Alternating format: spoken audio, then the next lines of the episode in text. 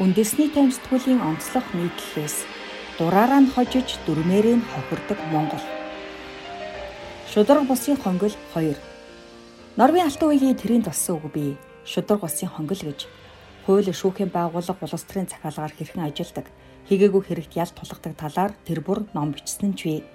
Гэхдээ энэ удаад алтан хуйгийн өгүүлсэн улс төрчдийн амны уншлага болцоход байгаа шудраг бусын хонглын талаар бичих гэсэнгүй. Харин өөр нэгэн хонгол аажим аажмаар сүндэрлэн босч байгаа талаар хэдхэн жишээнд тулгуурлан өгүүлье. Нийгэм ийм инээдтэй байхад түүнийг давж гарах онгойч гэж юу байх вэ гэсэн үг байдгийн билээ. Монгол нийгэм яг тийм инээдтэй цаашлал бүр эмгэнэлтэй байдалд ороод удаж байна. Өмнөх нийгэмд 70 жил бусдын заавраар амьдарсан монголчууд хар толгоогоо мэддэг болоод уг нь 30 жил болжээ. Гэвч энэ хугацаанд гарсан улалт амжилт бүрийг үгүйсгэх нь угаас удаггүй. Бий болгосон зарим үн зүйлээ боловсрцаар байгаа нь харамсалтай. Ер нь монгол хүн хэн болж хуурч байна вэ? нийтлэг дүр төрх нь бусдын гарыг хардаг, юунд ч бэлэн бус баярлаж зингэгтэл байдгаан шавхдаг, шудраг осны үнлэмжгүй альж газарт нь давхар дартагчсан нэг тиймэрхүү ард түмэн болчихсон мэт санагдах юм. Улс төрчдийнх нь уг үйлдэлч тэр тал руугаа хэлбийчихлээ. Буцаад нийгэмчлэх өнгө аяс үе үе цухалцахаас гадна хөдөлсөн нь биш, хоош суусан хождог тогтолцоо руу алгуурхан гулсах болов. Нэг талаас харахад маргаашийн өөхнөөс өнөөдрийн уушиг их хандлагад автчихсан юм шиг. Нөгөө талаас алсын хараа энэ төр ярьж явахыг бодоход ирээдүйдээ санаа зовоод ч байгаа юм шиг. Гэтэл үнэн дээ эсэлтийн ерхий шалгалтан хойшлуулад наадмаа хийн гэдэг улсад л бид амьдарч байна. Эренбэлвэл нэгдүгээрт 6 цэнгэл хоёрдугаарт ирээдүй юм уу та. Тэгэхээр асаач хардгүй, оройч үзэдгүй тийм ард том болчихжээ. Цаас үзэг нийлүүлэх бүрд бичигдэж байгаа цар тахал гэсэн үгч бидний байгаа байдлыг төрийн бодлого шийдвэрийг ямархуу төвшөнд явааг хангалттай харууллаа. Үнэн дээр бид цар тахлын өмнө муу биш, бүр маш муу гэдэг дүн авлаа. Өдөр ирэх тусам эгдэж байгаа ковид-19-ийн нас урагсдын тоо 100 мянга нилээд холд авчихсан халдварын тохиолдлыг бодоход дотооддон халдвар аваагүй үедээ бид зүгээр л шоодж байжээ. Харамсалтай нь одоо ч интертеймент нь үргэлжилж байх юм өнөөдрийг шиг хүнд нөхцөл байдлыг урдчилж харах алсын хараа гуядахнаа төсөөлөлжгүй байсныг тахлын өмнө толгой удаах эмч нараас хайртай хүмүүсээ үүр далтаж байгаа өвчтнүүдийн ар гэрхнээс харж байна. Даанч харамсалтай нь өвхөлтэй зэрэгцэн уламжлал ярь цэцэрхэж төв талбайдаа наадамлах ёстой гэд морьточ жагсаж байх гэж. Үндсэн сэдвтэн ороход нийтээрээ нийгмээрээ ийм байдалд орчход байгаа Монгол улсад босох болохгүй бүхнийг эмчлэх ганцхан жортой. Тэндэл энэ дүгүйлэх шудраг бусын хонгол сүндэрлэж байгаа юм. Давхар стандарт. Арчилсан нийгэмд анги давхар гэж байх ёсгүй. Өөрөөр хэлбэл бүгд тэгш хэрэгтэй. Гэтэл өнөөдөр бүгд тэгш хэрэгтэйч гахаа илүү эрхтэй нийгмийг бид байгуулчихжээ. Сэтгүүлчд хүртэл дараагангаа ойчрлаа гэж алга ташин баярлалаг болтлоо ангийн ялгаа үүссэн байх юм.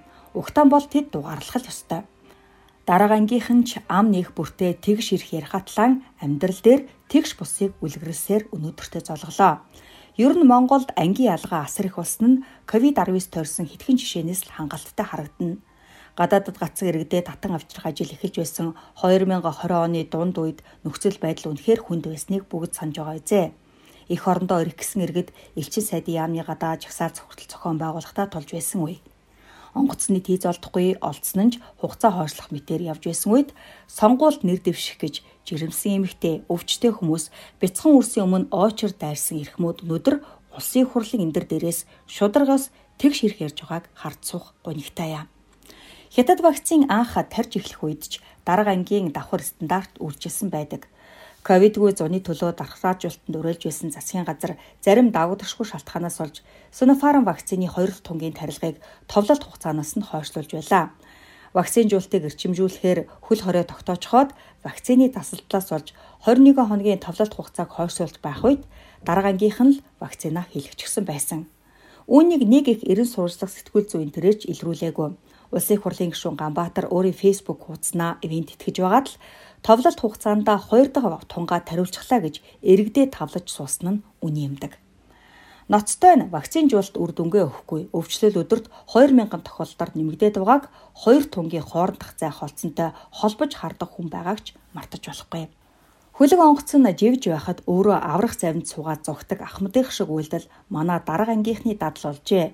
Өдөр бүр телевизийн цэхэр дэлгэцээр хөнгөн өвчтнүүдийг гэрээр эмчилхийг уриалж байгаа засгийн газраас хоёрч сайд нь ковид-19-ийн халдвар авсан. Өвчин хэлж биш хийсэрдэг болохоор тэднийг буруудах нь утгагүй. Гэхдээ эмнэлэгт ор хүрэлцэхгүй ачаалалтай байх үед хөнгөн өвцөн бол иргэдийгээ гэрээр эмчилхийг уриалчихад өөртөө би хөнгөн өвдчихлөө эмнэлэгт хэвтэж байна гэд бүтэн өрөөг ганцаараа эзэгнчихсэн байгаа зургаа фэйсбүүкээр зарлаад байх нь утга муутай санагдах юм. Сангийн сайд жавхлангийн тэр зураг тэр пост доод ангийнханд доромжлол шиг дараагийн ангийнханд даапалал шиг харагдав биз. Тийм болоод ч тэр өөрөө устгаа биз. Шадар сайд амар сайхан ч бас хөнгөн өвцөн хэрнээ эмнэлэгт твцсэн ил болсон. Ер нь бол нуусан бүхэн ил болдог, нуух тусам гарч ирдэг гэдэг. Гэхдээ л дарга ангийнхан хариуцлага хүлээхгүй учраас дарагдаад л өнгөрдөг болж тээ. Тухайлбал амар сайхны ихнэр халдвар төвчин судлалын үндэсний төвийн улаан бүсээр орсон гарсан хэвлэлээр дэлгэгдсэн ч эцэст нь шадар сайд маань хөсөөтийн эмчнэр цүнхтэй мөнгө авсан тухай ноцтой баримтыг дэлгэж 2021 оны 2 дугаар сарын 29-нд хууль хяналтын байгууллагууд шалгуулахаар үүрэг чиглэл өгсөн гэдгээ мэдэгдээд өнгөрсөн. Гачлантай түүний энэ баатарлаг үйл ажиллагаа болсон эсэх нь эргэлзээтэй юм. 2021 оны 2 дугаар сар 28 хоногтой болохоос 29 хоног үг бүгд мэдсэн ч дарга 29 хоногтой гэсэн учраас бүгд итгэсэн царайлсан. Дараагийн дараагийн жишээ бол Pfizer вакцинтай холбоотой. Тусгай заалттай эрүүл мэндийн шалтгаантай хүмүүст л хийж байсан хийлгэх гэсэн заримд нь ч олдоогүй энэхүү вакциныг ихэн үед дараагийнхын дараалан тариулсан гэх мэдэвэ. Авилгатай тэмцэх газраас Pfizer тариулсан тарьсан дарга нарыг шалгаж байна гэсэн мэдээлэл гарсан ч тэгсхийгээ замхарсан. Амтны ферм шиг юм Монголд үүсгээд байгааг өөр олон баримтаар тайлбарлаж болно. Гэхдээ цаас цаг хоёрын гар зүйз бүгд л мэдэх хойно ингэсгээд хаяа. Дөрөн бус дур ялна. Юм уг нь их энгийн. Жаахан шудраг байж хол бүх юм хэвэндээ орчих юм шиг санагддаг. Харамсалтай нь говчуулж, жовчуулсаар байдаг дараагийн анги маань нийгмээч бас тэр чиглэл рүү хөтлөж өглөө. Зөв хаашаа учих тийшээ гэдэг шиг ер нь л бэлэнчлэг сэтгэлгээд бат суулгаж өгч байна. Хөдөлмөрлс нь хохирч хөдлөөг нь хождог ийм байдал сүүлийн 2 жилд бүр газар авлаа. Ийм жишээ хэдэн арваараа олдохоор байгаагаас хэдхнийг нь энэ удаад сэрүүлээ. Үнэнч байсныхаа төлөө сөхөрч байгаа аж ахуй нэгжүүдийн төвчээр тасарлаа гэдэг хөдөлгөөн хүртэл өрнөж байгааг бодох ёстой юм. Нийгэмдэх шудраг бас байдлыг төр нь өөрөө өөрчилж байгаа эхний жишээ бол тэтгэврийн зээл тэглэх шийдвэр. Хуучин хийгээд шинэ ерөнхийлөгч нарын 2020 оны босгон дээр хамтарч хийсэн нэг ажил нь энэ тэтгэврийн зээлтэй хамтуудын зээлийг нэг удаа тэглэх санаачлах үндэсний аюулгүй байдлын зөвлөл дээр яригдж 2 он солигдох мөчөд ерөнхийлөгч Батулга ориглон дарстай хамт олон нийтэд хандаж мэдгдсэн. Тэр шийдвэр нь даанч нэг талдаа сайхан мэт боловч нөгөө талдаа хоёр идэхгүй хоосон хонохгүй гэж хичээж мэрэж яваа мянга мянган ахмадыг золчихсон шүү дээ. Тэд хариуцлагатай байсныхаа төлөө тэтгэврээ цагт нь авч амьдралаа залгуулсныхаа төлөө шагнуулах биш шанаад улсан хинт ч мөнгө хэрэгтэй үрийг гэвэл яаж ч үрж болно. Гэхдээ хэрэглээг нь хязгаарлаж тэтгэврээ зээлэхгүй хүргэх гэж зүтгэсэн нь олон. Гэвч 5 10 саяар нь тэтгэврээ урдчлаад авчихсан хүмүүсийн тэтгэврийг тэгшдгээд 6 сая төгрөгийн зээлийг нь төр төлсөн. Огт зээлгүй ахмадууд ганц сая төгрөгөл дараа жил нь сонгуулийн өмнө улсаас өгөв. Үнэн дээр хүн бүр амьдралтай зээл авах нь эрх. Тэгвэл ахмадуудаа алагжлахгүй шийдэх боломж байсан. 1 сая төгрөг өгсөн бол 1 сая төгрөгийн зээлийг нь тэглүүл шудраг. 6 саяын зээл тэглэсэн бол 6 сая төгрөг зээлгүүд нь өгвөл шудраг. Иймэрхүү алагчилсан шудраг бусыг тэтгсэн шийдвэр олон бий. Хариуцлагатай байсан хохирдог бас нэгэн жишээ бол вакцинжуулалт. Вакцин сайн дурын үндсэн дээр байх ёстой боловч цар тахлын нөхцөл байдлыг хүндрүүлэхүн тулд албалгын гэмээр арга хэмжээгч засгийн газар авч хэрэгжүүлсэн хоёр тунг тариулсан хүмүүст 50 мянган төгрөгийн урамшуулал өгсөн бол вакцин жуултанд хамрагдаагүй альва халамжийн тэтгэвэр авдаг хүмүүсийн тэтгэмжийг өгөхгүй гэж мэдэгдсэн. Тэгэл вакцина хийлгээгүй хойр хандаж хойш суусан хүмүүс одоо ахаад л хожигч болчих юм. Хамгийн сайн дархлаа тогтож байгаа гэдэг Pfizer хүмүүсийн баггүй хэсэг нь тариулах гэж хүлээж ирсэн Sputnik V хятадын Sinopharm вакцинаас сонголт хийж тариулах эрхийг тэр хүмүүст олгоод эхэллээ. Шудрагуу үгүй юу? Бас нэгэн жишээ. Эдийн засаг хүндэрч гисэн энэ үед хоногийн хоолноос хумсалж хүлээсэн үргээ биелүүлэх гэж хичээж байгаа мянган мянган зээлтэй иргэн бий. Тэд бусдын өмнө хариуцлагатай байсныхаа төлөө бас л хохироод дуслаа.